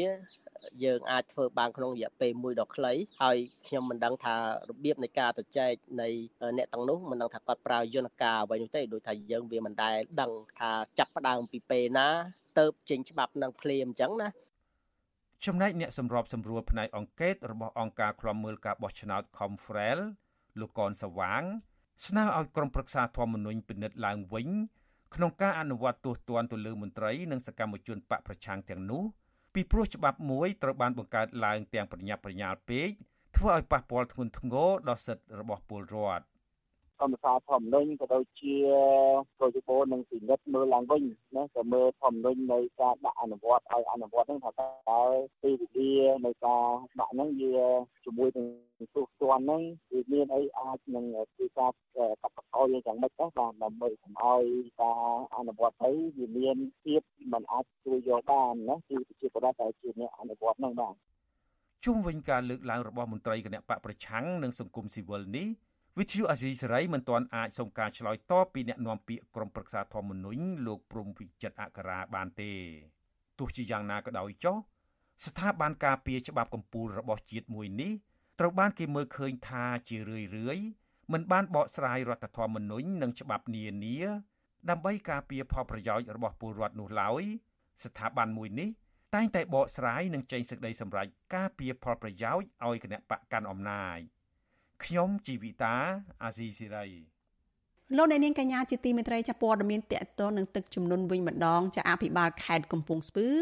អំពាវនាវដល់ប្រជាពលរដ្ឋឲ្យមានការប្រុងប្រយ័ត្នពេលធ្វើដំណើរឆ្លងកាត់ផ្លូវជាតិលេខ4ដែលកំពុងមានទឹកជន់លិចចំណែកឯមន្ត្រីសង្គមស៊ីវិលថាអាញាធរគួរតែដាក់សញ្ញាសម្គាល់ដើម្បីងាយស្រួលដល់ពលរដ្ឋធ្វើដំណើរចាស់ពីរដ្ឋធានី Washington លោកនៅវណ្ណរិន មានសេចក្តីរាយការណ៍មួយទៀតអំពីរឿងនេះ ជូនលោកអ្នកនាងដូចតទៅការលើកឡើងរបស់អាជ្ញាធរនេះគឺបន្ទាប់ពីថ្ងៃទី28 29កក្កដាមានទឹកភ្លៀងធ្លាក់យ៉ាងរាយប៉ាយទូទាំងប្រទេសធ្វើឲ្យកម្ពស់ទឹកនៅតាមទំនប់នានាកើនឡើងរហូតដល់អាជ្ញាធរសម្រេចបិទទ្វារទឹកដើម្បីកុំឲ្យទឹកឡើងខ្ពស់បណ្ដាលឲ្យបាក់ទំនប់លិចលង់ផ្លូវថ្នល់ស្រែចម្ការរបស់របរនិងផ្ទះសម្បែងរបស់ប្រជាពលរដ្ឋ កាលពីថ្ងៃទី29កក្កដាក្រសួងធនធានទឹកនិងអូតូនិយមបានចេញសេចក្តីជូនដំណឹងពីការព្យាករណ៍អាកាសធាតុសម្រាប់ថ្ងៃទី26ខែកក្កដាដល់ថ្ងៃទី1ខែសីហា ដែលកម្ពុជា មានភ្លៀងធ្លាក់កម្រិតតិចទៅមធ្យមដោយលាយឡំទៅនឹងខ្យល់កន្ត្រាក់និងផ្គររន្ទះជាពិសេសនៅតំបន់មាត់សមុទ្រនិងមានខ្យល់បោកបក់ខ្លាំងមន្ទីរធនធានទឹកនិងអូតូនិយមខេត្តកំពង់ស្ពឺ នៅថ្ងៃទី30ខែកក្កដា ឲ្យដឹងថាមានភ្លៀងធ្លាក់ពីថ្ងៃជាប់ជាប់គ្នា នៅក្នុងកម្រិតជាង300មីលីម៉ែត្រកាលពីថ្ងៃទី28និង29កក្កដាបណ្ដាលឲ្យមានទឹកជំនន់កើនឡើងផ្នែកខាងក្រោមនៃទំនប់អូកូនត្រំក្នុងឃុំត្រែងត្រយឹងស្រុកភ្នំស្រួចខេត្តកំពង់ស្ពឺមន្ទីរធនធានទឹកបន្តទៀតថាប្រសិនបើមិនមានភ្លៀងធ្លាក់បន្តទៀតនោះទេទឹកចំនួនទឹកភ្លៀងនេះនឹងអាចធូរស្រាលយ៉ាងឆាប់រហ័ស ជាមួយគ្នានោះដែរអាជ្ញាធរខេត្តកំពង់ស្ពឺកាលពីថ្ងៃទី29កក្កដាជូនដំណឹងដល់ប្រជាពលរដ្ឋដែលធ្វើដំណើរតាមផ្លូវជាតិលេខ4ឲ្យរកផ្លូវវាងបណ្ដោះអាសន្នដោយសារតែទឹកចំនួនទឹកភ្លៀងបានលិចលង់ផ្លូវលេខ4ចន្លោះគីឡូម៉ែត្រលេខ107និង108អភិបាលខេត្តកំពង់ស្ពឺលោកវីសំណាងប្រាប់វិទ្យុអាស៊ីសេរីនៅថ្ងៃទី30កក្កដាថាស្ថានភាពទឹកជំនន់គឺនៅមិនទាន់ស្រកនៅឡើយទេ លោកបន្តថាគ្រោះទឹកជំនន់នេះមានប្រជាពលរដ្ឋបាត់បង់ជីវិតម្នាក់ដោយសារតែគាត់ដើររកត្រី និងបាញ់សត្វស្របពេលដែលទឹកកំពុងហូរខ្លាំងលោកណែនាំឲ្យប្រជាពលរដ្ឋប្រសិនបើត្រូវការជំនួយសង្គ្រោះបន្ទាន់ត្រូវតាក់ទងទៅសមត្ថកិច្ចដែលនៅជិតបំផុតជាបន្ទាន់និងត្រូវយកចិត្តទុកដាក់បំផុត ចំពោះជនងាយរងគ្រោះដូចជាក្មេងៗនិងមនុស្សចាស់ដោយឡែកបងប្អូនដែលត្រូវប្រើប្រាស់ផ្លូវលេខ4 សូមបងប្អូនអញ្ជើញទៅប្រើប្រាស់ផ្លូវលបឿនលឿនសិនបាទព្រោះដើម្បីកុំឲ្យកុំឲ្យខកដំណើរព្រោះយើងមានផ្លូវលបឿនលឿនមួយដែរយើងអាចចរាចរបានអត់មានអត់មានបញ្ហាទេវិទ្យុអស៊ីសេរីនៅពុំអាចតាក់ទងแนะនាំពាក្យគណៈកម្មាធិការជាតិគ្រប់គ្រងគ្រោះមហន្តរាយលោកខុនសុខាដើម្បីសាកសួរបន្ថែមពីផលប៉ះពាល់ដល់ប្រជាពលរដ្ឋបន្ទាប់ពីមានទឹកជំនន់ទឹកភ្លៀងនេះបាននៅឡើយទេនៅថ្ងៃទី30ខែកក្កដានេះដោយឡែក មន្ទីរសាធារណការនឹងដឹកជញ្ជូនខេត្តកែបនៅថ្ងៃទី30កក្កដាបានចេញសេចក្តីជូនដំណឹងថាចាប់ពីរង្វង់មូលសេះសកាត់តាមឆ្នេរលេងទឹករហូតដល់ផ្សារដំណាក់ចង្អើមានទឹកហូរកាត់ផ្លូវជាតិស្ទើរទាំងស្រុងដោយសារតែមានចំនួនទឹកភ្លៀងមន្ទីរក៏អំពាវនាវសូមឲ្យម្ចាស់យានយន្តដឹកជញ្ជូនធនធ្ងន់គ្រប់ប្រភេទដែលត្រូវឆ្លងកាត់ផ្លូវជាតិ 33A នេះ ត្រូវផ្អាកចរាចរណ៍ជាបណ្ដោះអាសន្នចាប់ពីថ្ងៃទី30កក្កដារហូតដល់អាកាសធាតុល្អឡើងវិញទោះជាយ៉ាងនេះក្តីប្រធានមជ្ឈមណ្ឌលប្រជាពលរដ្ឋដើម្បីអភិវឌ្ឍនិងសន្តិភាពលោកយងកំឯងមានប្រសាសន៍ថាអាញាធរគួរបង្កើនការផ្សព្វផ្សាយអប់រំដល់ប្រជាពលរដ្ឋត្រៀមខ្លួន ជាមួយការរស់នៅក្នុងពេលមានគ្រោះទឹកជំនន់ដូចជាផឹកទឹកស្អាត ហូបស្អាត ការរស់នៅស្អាត និងការដាក់សញ្ញាសម្គាល់តាមផ្លូវប្រសិនបើផ្លូវនោះត្រូវផ្អាកធ្វើដំណើរជាដើមលោកបន្ថែមថាប្រជាពលរដ្ឋត្រូវតែត្រៀមក្នុងការការពារសត្វល្អិតមានពិសជាពិសេសក្មេងតូចៗកុំឲ្យលេងទឹកដែលអាចបណ្ដាលឲ្យលង់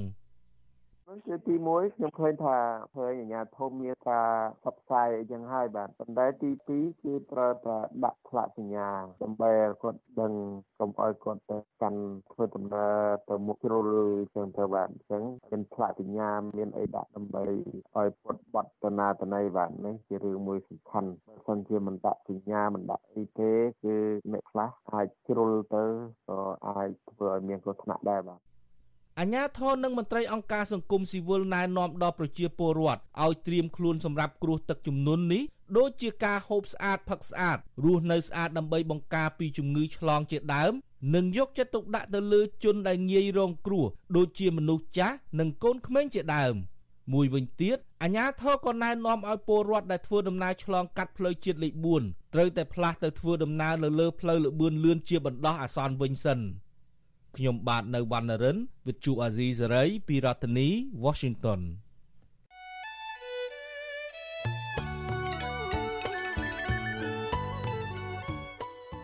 លោកនាងកញ្ញាជាទីមេត្រីចានៅក្នុងឱកាសនេះដែរនាងខ្ញុំសូមថ្លែងអំណរគុណដល់លោកនាងកញ្ញាទាំងអស់ដែលតែងតែមានភក្ដីភាពចំពោះការផ្សាយរបស់យើងហើយចាត់ទុកការស្ដាប់វិទ្យុអាស៊ីសេរីគឺជាផ្នែកមួយនៃសកម្មភាពប្រចាំថ្ងៃរបស់លោកអ្នកនាង ចាការគ្រប់គ្រងរបស់លោកអ្នកនាងនេះហើយដែលធ្វើឲ្យយើងខ្ញុំមានទឹកចិត្តកាន់តែខ្លាំងថែមទៀតក្នុងការស្វែងរកនិងផ្តល់ព័ត៌មានពិតជូនលោកអ្នកនាងចាំមានអ្នកស្ដាប់មានអ្នកទស្សនាកាន់តែច្រើនកាន់តែធ្វើឲ្យយើងខ្ញុំមានភាពស្វាហាប់និងមោះមុតជាបន្តទៅទៀតយើងខ្ញុំសូមអរគុណទុកជាមុនហើយសូមអញ្ជើញលោកអ្នកនាងកញ្ញាទាំងអស់ចូលរួមជំរុញឲ្យសកម្មភាពផ្តល់ព័ត៌មានរបស់យើងនេះកាន់តែជោគជ័យបន្ថែមទៀតចាលោកអ្នកនាងកញ្ញាអាចជួយយើងខ្ញុំបាន ដោយគ្រាន់តែចុចចែករំលែកឬក៏ share ការផ្សាយរបស់យើងនៅលើបណ្ដាញសង្គម Facebook និង YouTube ទៅកាន់មិត្តភ័ក្តិរបស់លោកអ្នកនាងចា៎ដើម្បីឲ្យការផ្សាយរបស់យើងនេះបានទៅដល់មនុស្សកាន់តែច្រើន ចាសសូមអរគុណលោកអ្នកនាងកញ្ញាជាទីមេត្រីរដ្ឋាភិបាលដឹកនាំដោយលោកហ៊ុនសែនបានបើកភ្លើងខៀវឲ្យក្រុមហ៊ុនឈ្មោះថាអង្គរ Flywood នាំចេញឈើកម្រទៅលក់នៅក្រៅប្រទេសគណៈសង្គមស៊ីវិលនិងសកម្មជនព្រួយបារម្ភថាអាចនឹងមានការកាប់ឈើបន្តកើនឡើងទៅទៀតក្រុមហ៊ុនអង្គរ Flywood នៅតែបន្តនាំឈើកម្រយកទៅលក់នៅក្រៅប្រទេស ជាពិសេសប្រទេសវៀតណាមនិងប្រទេសចិននេះបើយោងតាមវិក័យប័ត្ររបស់ក្រុមហ៊ុនចុះថ្ងៃទី7ខែកក្កដាដែលវិទ្យុអាស៊ីសេរីទទួលបាននៅថ្ងៃទី30ខែកក្កដាថាឈើប្រភេទឈើកម្រដែលក្រុមហ៊ុនអង្គរ Flywood នាំទៅលក់នៅក្រៅប្រទេសនោះក្នុងនោះរួមមានឈើសុក្រំ ស្រឡៅកកោះឆ្លិកនិងផ្ចឹកដែលមានតម្លៃ500ដុល្លារនៅក្នុង1ម៉ែត្រគីបការនាំឈើកម្រទៅលក់នៅក្រៅប្រទេសនេះបន្ទាប់ពីរដ្ឋាភិបាលលោកហ៊ុនសែនកាលពីថ្ងៃទី15ខែធ្នូឆ្នាំ2021អនុញ្ញាតឲ្យក្រុមហ៊ុនមួយនេះបន្តនាំឈើក្តារបន្ទះឈើកម្រាលការ៉ូនិងផលិតផលកែច្នៃផ្សេងៗទៀតចាប់តាំងពីឆ្នាំ2022 រហូតដល់ឆ្នាំ2026វិទ្យុអាស៊ីសេរីនៅមិនទាន់អាចតាក់ទងแนะនាំពាក្យរដ្ឋាភិបាលលោកផៃស៊ីផាននិងแนะនាំពាក្យក្រសួងកសិកម្មរុក្ខាប្រមាញ់និងនេសាទកញ្ញាអឹមរចនាដើម្បីសុំការអធិប្បាយបានទេកាលពីថ្ងៃទី30ខែកក្កដានោះចំណែកតំណាងក្រុមហ៊ុនអង្គរ Flywood លោកស្រីកែវសុភីបក៏មិនអាចតាក់ទងបានដែរដោយទូរស័ព្ទហៅចូលតែគ្មានអ្នកទទួលជុំវិញរឿងនេះប្រធានកម្មវិធីផ្នែកស្រាវជ្រាវនិងតស៊ូមតិ នៃសមាគមបណ្ដាញយុវជនកម្ពុជា CYN លោកហេងកំហុងសង្កេតឃើញថាការផ្ដល់អាជ្ញាប័ណ្ណបន្តឲ្យក្រុមហ៊ុនឯកជននាំឈើចេញនេះវាបង្ហាញពីសញ្ញាហានិភ័យទៅដល់ប្រៃឈើនៅក្នុងប្រទេសកម្ពុជា ដែលកំពុងរងគ្រោះពីការកាប់យកទៅលក់នៅក្រៅប្រទេសនិងការកាប់ទន្ទ្រានជាបន្តបន្ទាប់លោកព្រួយបារម្ភខ្លាចហិនហោចប្រៃឈើស្របពេលបច្ចុប្បន្នការកាប់បំផ្លាញព្រៃឈើបន្តកើនឡើងឥតឈប់ឈរលោកថាព្រៃនៅកម្ពុជានឹងវិនិច្ឆ័យឆាប់ឆាប់ ប្រសិនបើរដ្ឋាភិបាលនៅតែគ្មានឆន្ទៈទប់ស្កាត់បទល្មើសដោយសពថ្ងៃ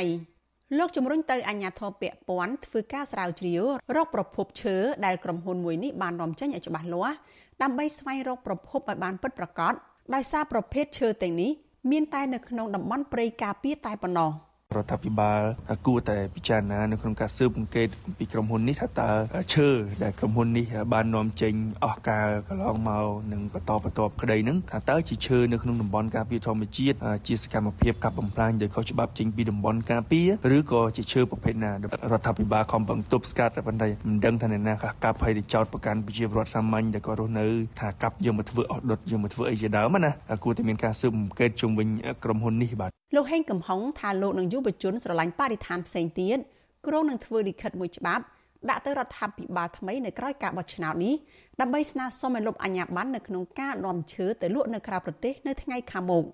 ចំណែកអ្នកស្រាវជ្រាវនិងជាអ្នកឃ្លាំមើលធនធានធម្មជាតិនៅកម្ពុជាលោកសេងសុកហេងយល់ឃើញថាការដែលរដ្ឋាភិបាលបន្តឲ្យមានការនាំឈើដោយក្រុមហ៊ុនឯកជននេះហាក់បើកផ្លូវឲ្យក្រុមហ៊ុនឬក៏អ្នករកស៊ីឈើខុសច្បាប់ មានឱកាសរកស៊ីកាប់បំផ្លាញឈើនៅកម្ពុជាបន្តទៅទៀត លោកចាត់ទុកទង្វើនេះថាជាការចូលដៃចូលជើងរវាងរដ្ឋាភិបាលនិងឈ្មួញក្នុងការបំផ្លាញព្រៃឈើនៅកម្ពុជា ហើយរដ្ឋាភិបាល នៅតែគ្មានឆន្ទៈពិតប្រាកដក្នុងការការពារព្រៃឈើឲ្យបានគង់វង្សលោកស្នើទៅរដ្ឋាភិបាលថ្មីឲ្យបញ្ឈប់ចេញអាជ្ញាប័ណ្ណទៅឲ្យក្រុមហ៊ុនឯកជននាំឈើចេញទៅក្រៅប្រទេសនិងការផ្ដល់ដីសម្បត្តិសេដ្ឋកិច្ចទៅឲ្យក្រុមហ៊ុនឯកជននានា វាដល់ពេលវេលាដែលរដ្ឋាភិបាល ជាពិសេសរដ្ឋាភិបាល អាណត្តិថ្មីនេះបាទគួរតែពិចារណាឡើងវិញទាំងការធ្វើកំណែតម្រង់លើគោលនយោបាយទាំងពីរបៀបក្នុងការគ្រប់គ្រងធនធានព្រៃឈើគឺគួរតែគិតគូរឲ្យបានដិតដល់ហើយជាពិសេសគួរតែត្រូវតែបញ្ឈប់ការប្រើប្រាស់ធនធានព្រៃឈើក្នុងផលប្រយោជន៍ក្នុងគោលបំណងធ្វើការវិនិយោគជាទ្រង់ទ្រាយធំព្រោះថាបើមិនដូច្នោះទេប្រទេសខ្មែរអាចនឹងប្រឈមទៅនឹងហានិភ័យទៅថ្ងៃមុខកាលពីពាក់កណ្ដាលឆ្នាំ2021មន្ត្រីគយក្រុងហុងកុង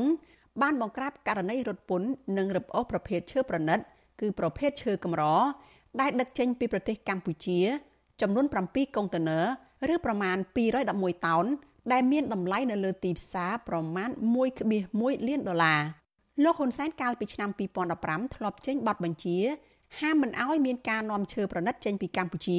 ទៅលក់នៅក្រៅប្រទេស ប៉ុន្តែក្រមសកម្មជនការពារព្រៃឈើនៅតែសង្កេតឃើញថាមានការនាំឈើចេញទៅក្រៅប្រទេសជាពិសេសទៅប្រទេសវៀតណាម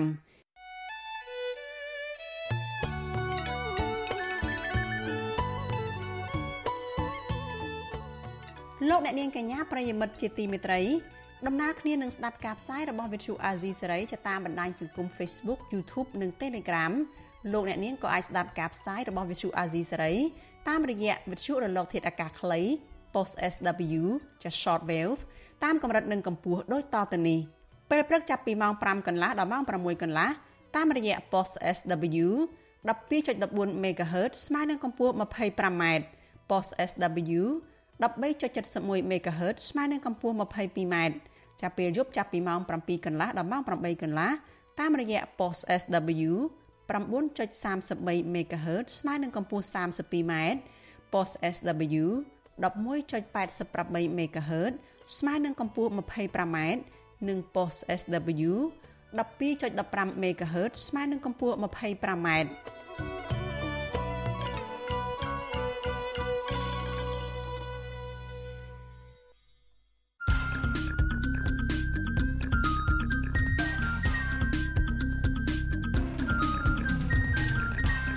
បទសម្ភារ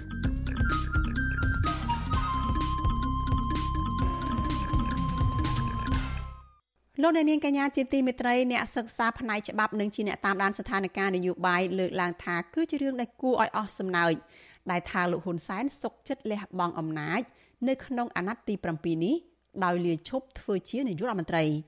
ដែលផ្ទុយទៅវិញនោះគឺលោកហ៊ុនសែននៅតែអាចកាន់អំណាចពេញក្នុងដៃដដែលលើសពីនេះ លោកហ៊ុនសែនថែមទាំងអាចជួយការពារការឡើងកាន់អំណាចរបស់កូនប្រុសដើម្បីសម្រេចតាមគោលបំណងធ្វើឲ្យកម្ពុជាមានអ្នកដឹកនាំតពូជតត្រកូលទៀតផងចាសសូមអញ្ជើញលោកអ្នកនាងចាសស្ដាប់បទសម្ភាសន៍មួយជាមួយនឹងលោកវ៉ាន់ចាន់ឡូតអ្នកសិក្សាផ្នែកច្បាប់អំពីរឿងនេះដូចតទៅចាសសូមជម្រាបសួរលោកវ៉ាន់ចាន់ឡូតពីចម្ងាយចាតើរឿងទំនាស់ផលប្រយោជន៍រឿងបកពួកនិយមរឿង ការពារគ្នាឯងជួយអញអញជួយឯងនេះវាប៉ះពាល់យ៉ាងណាទៅទៅដល់ស្ថានភាពប្រទេសជាតិទាំងមូលដើរថយក្រោយទេពីព្រោះថាពិភពលោកនេះគេយើងមើលតែប្រទេសជិតខាងយើងទៅវៀតណាមនឹងជាឧទាហរណ៍ស្រាប់ហើយថាគឺគេខ្វល់ខ្វាយណាស់ពីរឿងដែលមិនចង់ឲ្យមានបពពួកនិយមមានកូនមានឪពុកមានសាច់ញាតិមានក្រុមគ្រួសារខ្សែស្រឡាយគ្នាឯងនឹងធ្វើការជាមួយគ្នាឬក៏ការពារគ្នានៅស្ថាប័នរដ្ឋនឹងចា៎ ចំណុចទី1យើងឃើញថាវៀតណាមជាប្រទេសកុម្មុយនីសមែនក៏ប៉ុន្តែថ្មីថ្មីនេះគេមាននៅគេចេញច្បាប់មួយតេតិនទៅនឹងទប់ស្កាត់ឬក៏លុបបំបាត់ចោលនៅគ្រួសារនិយមហ្នឹងគ្រួសារនិយមប្រហែលទំនងគេចង់បញ្ជាក់ថាបើថាឪពុកកាន់តំណែងហ្នឹងហើយបន្ទាប់មកកូនមិនគួរនឹងកាន់តំណែងហ្នឹងទៀតទេឬក៏ឪពុកនិងកូនហ្នឹងគឺកាន់តំណែងក្នុងជួររដ្ឋាភិបាលក្នុងស្រុកពេលតែមួយឬក៏ដំណើរគ្នាហ្នឹងអញ្ចឹងដែលយើងឃើញថានៅកម្ពុជាយើង ចំណុចនេះវាដូចជានៅចាក់ stress វានៅសាំញ៉ាំហើយអ្វីដែលកើតឡើងនៅក្នុងនីតិកាលទី7ដែលនឹងឈានចូលមកដល់នេះយើងឃើញថាថាទី1វាហាក់ដូចជាជាការមើលស្រាលទៅដល់សម្លេងរបស់ប្រជាពលរដ្ឋពីព្រោះយើងដឹងថានៅក្នុងរបបប្រជាធិបតេយ្យអាស្រ័យរដ្ឋធម្មនុញ្ញឬក៏របបប្រជាធិបតេយ្យសេរីពហុបករបស់យើងនេះគឺអំណាចទាំងអស់ជារបស់ប្រជារបស់ប្រជាពលរដ្ឋរបស់ប្រជារាស្ត្រ គឺថាអ្នកតំណាងទាំងអស់ហ្នឹងគឺគាត់ត្រូវតែធ្វើអ្វីៗក្នុងនាមជាប្រជារាស្ត្រក៏ប៉ុន្តែអឺជាការជាក់ស្ដែងទាំងការតែងតាំងក្តីឬក៏អឺភិកច្រើនដែលយើងឃើញថាវាដូចជាមិនស្ថិតនៅក្នុងនីតិវិធីមួយដែលមានតម្លាភាពជានីតិវិធីមួយដែលមាននៅការប្រគួតប្រជែងស្វែងរកនៅអ្នកដែលមានសមត្ថភាពនៅអ្នកដែលប្រជាពលរដ្ឋគ្រប់គ្រងពិតប្រាកដទេបែរជាកើតឡើងអំពី ការចរចាឬក៏ការសម្របសម្រួល ជាផ្ទៃក្នុងនៃមនុស្សមួយក្រុមទៅវិញហើយបែងចែកអំណាចគ្នាលោកវ៉ាន់ចាឡូតយើងដឹងទាំងអស់គ្នាថាកម្ពុជា ប្រកាន់យករបបប្រជាធិបតេយ្យនេះគឺដើម្បីផ្ដល់អំណាចទៅឲ្យពលរដ្ឋចាដោយលោកវ៉ាន់ចាឡូតបានលើកឡើងអញ្ចឹងគឺពលរដ្ឋគឺជាម្ចាស់ប្រទេសគឺជាម្ចាស់នៃវាសនាប្រទេសជាតិរបស់ខ្លួននឹងហើយប្រជាពលរដ្ឋនេះឯងជាអ្នកដែលមានសិទ្ធិអំណាច ក្នុងការដែលផ្ដល់ទួនាទីទៅឲ្យក្រុមមនុស្សណាមួយក្រុមនោះដើម្បីឲ្យឡើងកាន់តំណែងបំរើផលប្រយោជន៍របស់ប្រជាពលរដ្ឋទៅវិញទេមិនមែនដើម្បីបំរើផលប្រយោជន៍ក្រុមបកពួកខ្លួនតពូជតពងវងត្រកូលហើយកាន់តំណែងមិនឈប់យ៉ាងនេះទេប៉ុន្តែតើហេតុអ្វីបានជាពលរដ្ឋស្ថិតនៅស្ងៀមស្ងាត់ដែលជាម្ចាស់អំណាចនេះគឺហាក់ដូចជាទទួលយកបាននៅអ្វីដែលកើតឡើងនៅក្នុងប្រទេសរបស់ខ្លួននៅពេលនេះអឺចំណុចសំខាន់មួយដែលយើងឃើញថា ការប្រើប្រាស់នៅសិទ្ធិអំណាចឬយើងហៅថាអំណាចជាអធិបតីរបស់ប្រជារាស្ត្រប្រជាពលរដ្ឋគឺដូចជាត្រូវបានរំលោភបំពានរំលោភបំពានចំណុចមួយដែលយើងអាចមើលឃើញទាំងអស់គ្នាហើយសហគមន៍អន្តរជាតិក៏គេ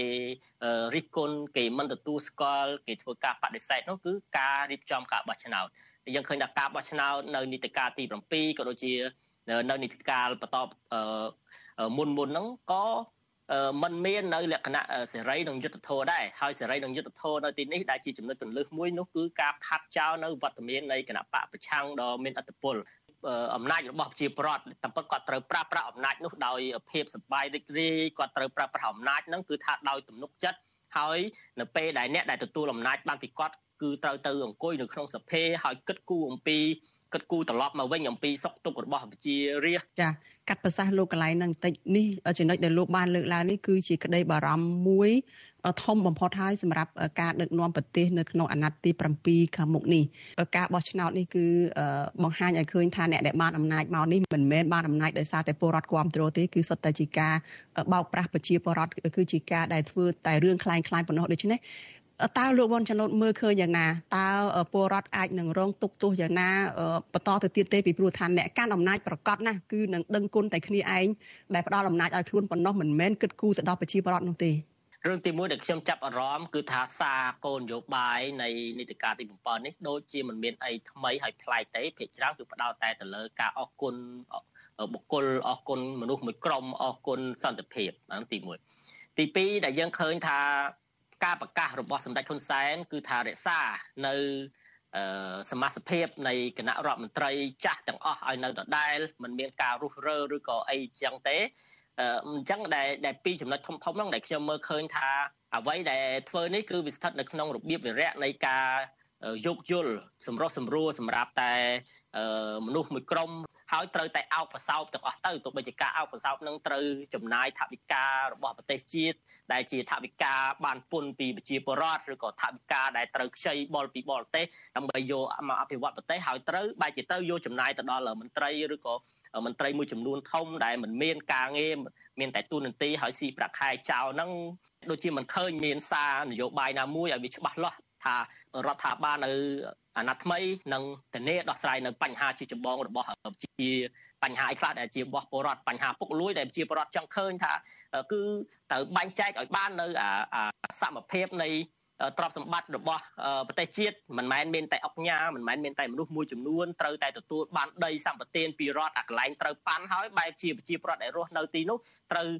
រើចេញពីតំបន់ហ្នឹងដែលយើងឃើញថាជាវិសមភាពមួយ វិសមភាពនៃ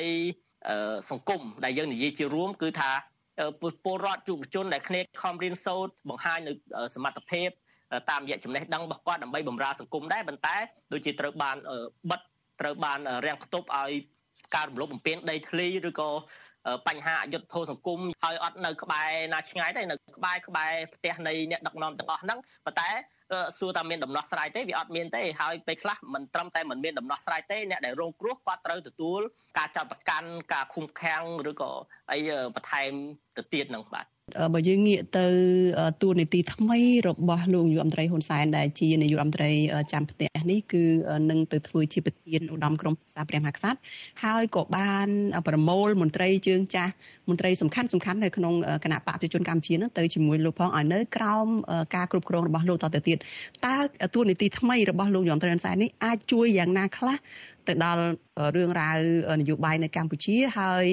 តើលោកវ៉ាន់ច័ន្ទពុតមើលឃើញយ៉ាងម៉េចវិញចា៎មានការលើកឡើងថាការសម្រាប់មិនឈរជានាយករដ្ឋមន្ត្រីរបស់សម្ដេចហ៊ុនសែនជាការលះបង់មួយដ៏ធំធេងខ្ញុំរៀងអស់សំណើចតិចដែរយើងត្រូវដឹងថា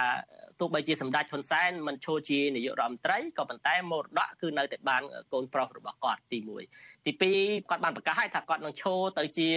ប្រធានប្រសិទ្ធិសម្រាប់នីតិកាល2024ហ្នឹងអាហ្នឹងគាត់នឹងคล้ายទៅជាឧត្តមទីប្រឹក្សាអង្គព្រះមហាក្សត្រហើយប្រធាននៃឧត្តមទីប្រឹក្សាព្រះមហាក្សត្រកាលសម្ដេចក្រមព្រះនរោត្តមរណរដ្ឋលោក នៅមានបជនជាប្រធានណាគឺមានឋានៈស្មើនឹងនាយករដ្ឋមន្ត្រីហើយអញ្ចឹងបើសិនជាថាសម្ដេចហ៊ុនសែនគាត់ខ្លាយទៅជាឧត្តមទីប្រឹក្សានៃព្រះមហាក្សត្រគឺមានន័យថាឋានៈគឺស្មើនឹងនាយករដ្ឋមន្ត្រីមួយទៀតបើសិនជាគាត់ទៅជាប្រធានព្រឹទ្ធសភាយើងត្រូវដឹងថាប្រធានព្រឹទ្ធសភាមានតំណែងមួយ គឺជាប្រមុខរដ្ឋស្ដីទីនៅពេលដែលព្រះមហាក្សត្រលោក អវត្តមាននៅក្នុងប្រទេសអញ្ចឹងដល់តែយើងពិចារណាត្រឡប់ចុះត្រឡប់ឡើងអញ្ចឹងទៅដែលយើងឃើញថាដូចជាមិនមានទេការលះបង់វាដូចជាមានតែការទទួលថែមហើយការទទួលថែមនេះធ្វើឲ្យអំណាចរបស់គាត់អាចក្តោបបានជុំអាចកាន់តែច្រើនឡើងអាចកាន់តែការសម្រេចអីផ្សេងៗហ្នឹងដូចថាកាន់តែងាយស្រួលថែមទៅទៀតបាទលោកវ៉ាន់ចាន់ឡូតតើ ទួនាទីរបស់លោកហ៊ុនសែននេះអាចទៅជួយការពារអីឬក៏ជួយការដឹកនាំរបស់កូនគាត់នឹងយ៉ាងណាខ្លះទៅវត្តមានរបស់គាត់នេះហើយដែលអាចធានាថាការដឹកនាំសម្រាប់នីតិកាលទី7ឬក៏នីតិកាលបន្តបន្តទៀតទោះបីជាមានភាពរដាក់រប់បន្តិចបន្តួចក្តីឬក៏អីយ៉ាងម៉េចក្តីគឺទូនទីរបស់គាត់គឺនឹងអាចសម្របសម្រួលស្ថានភាពបានតាមពេលវេលាទី1ទី2គឺថាអត្តពលរបស់គាត់ ក្នុងរយៈកាលណាមួយ គឺអាចនឹងធ្វើឲ្យកូនប្រុសរបស់គាត់ដែលបន្តតំណែងហ្នឹងគឺនឹងទទួលបាននៅការទទួលស្គាល់ពីទាំងសំណាក់ផ្ទៃក្នុងផង ពីសំណាក់ប្រជាពលរដ្ឋផងខ្ញុំនៅតែមានចម្ងល់ដដែលលោកវ៉ាន់ចាន់លូតពីខាងដើមនេះយើងបានទៅជែកគ្នាដែរប៉ុន្តែនៅតែមិនទាន់ដល់ចំណុចនៅឡើយទេពីរឿងថា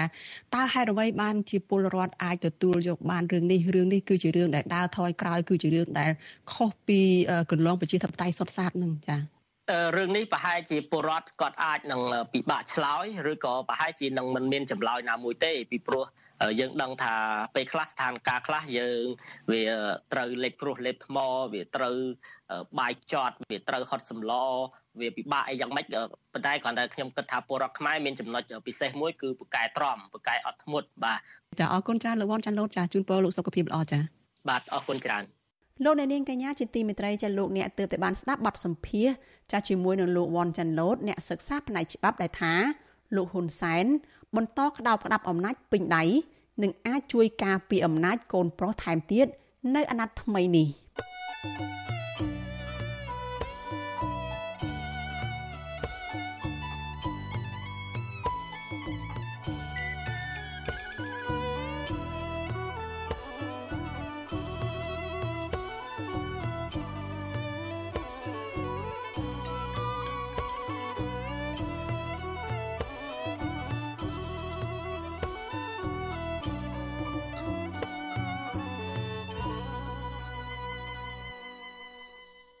លោកនាងកញ្ញាប្រិយមិត្តជាទីមេត្រីជាការផ្សាយរយៈពេល1ម៉ោងរបស់វិទ្យុអាស៊ីសេរីជាភាសាខ្មែរនៅព្រឹកនេះចាប់ត្រឹមតែប៉ុណ្ណេះនាងខ្ញុំសុជីវីព្រមទាំងក្រុមការងារទាំងអស់នៃវិទ្យុអាស៊ីសេរីចាសសូមជូនពរដល់លោកនាងកញ្ញានិងក្រុមគ្រួសារទាំងអស់ចាសសូមប្រកបតែនឹងសេចក្តីសុខសុភមង្គលនិងមានសុខភាពល្អកុំបីឃ្លៀងឃ្លាតឡើយនាងខ្ញុំសូមអរគុណនិងសូមជម្រាបលា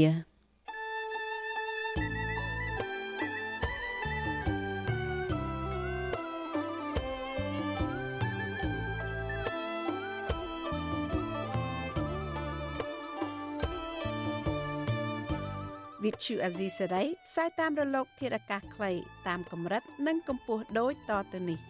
ពេលព្រឹកចាប់ពីម៉ោង5កន្លះដល់ម៉ោង6កន្លះតាមរយៈប៉ុស SW 12.14 MHz ស្មើនឹងកម្ពស់ 25m និងប៉ុស SW 13.71 MHz ស្មើនឹងកម្ពស់ 22m ពេលយប់ចាប់ពីម៉ោង7កន្លះដល់ម៉ោង8កន្លះតាមរយៈប៉ុស SW 9.33 MHz ស្មើនឹងកម្ពស់ 32m ប៉ុស SW 11.88 MHz ស្មើនឹងកម្ពស់ 25m និងប៉ុស SW 12.14 MHz ស្មើនឹងកម្ពស់ 25m លោកអ្នកនាងក៏អាចស្ដាប់និងទស្សនាការផ្សាយផ្ទាល់នៅលើគេហទំព័ររបស់ Vuthu Azizi Saray តាមរយៈអាស័យដ្ឋាន rfa.org/ ខ្មែរក្រៅពីនេះលោកអ្នកនាងក៏អាចអាននិងទស្សនាព័ត៌មានវិទ្យុអាស៊ីសេរីលើទូរស័ព្ទដៃរបស់លោកអ្នកផ្ទាល់ សូមលោកអ្នកនាងដំឡើងកម្មវិធីវិទ្យុអាស៊ីសេរីនៅលើទូរស័ព្ទដៃរបស់លោកអ្នកនាងឬស្វែងរកវិទ្យុអាស៊ីសេរីនៅលើ YouTube ឬ Facebook ដោយស្វែងរកពាក្យថា Vithu Azisari ឬ RFA ខ្មែរ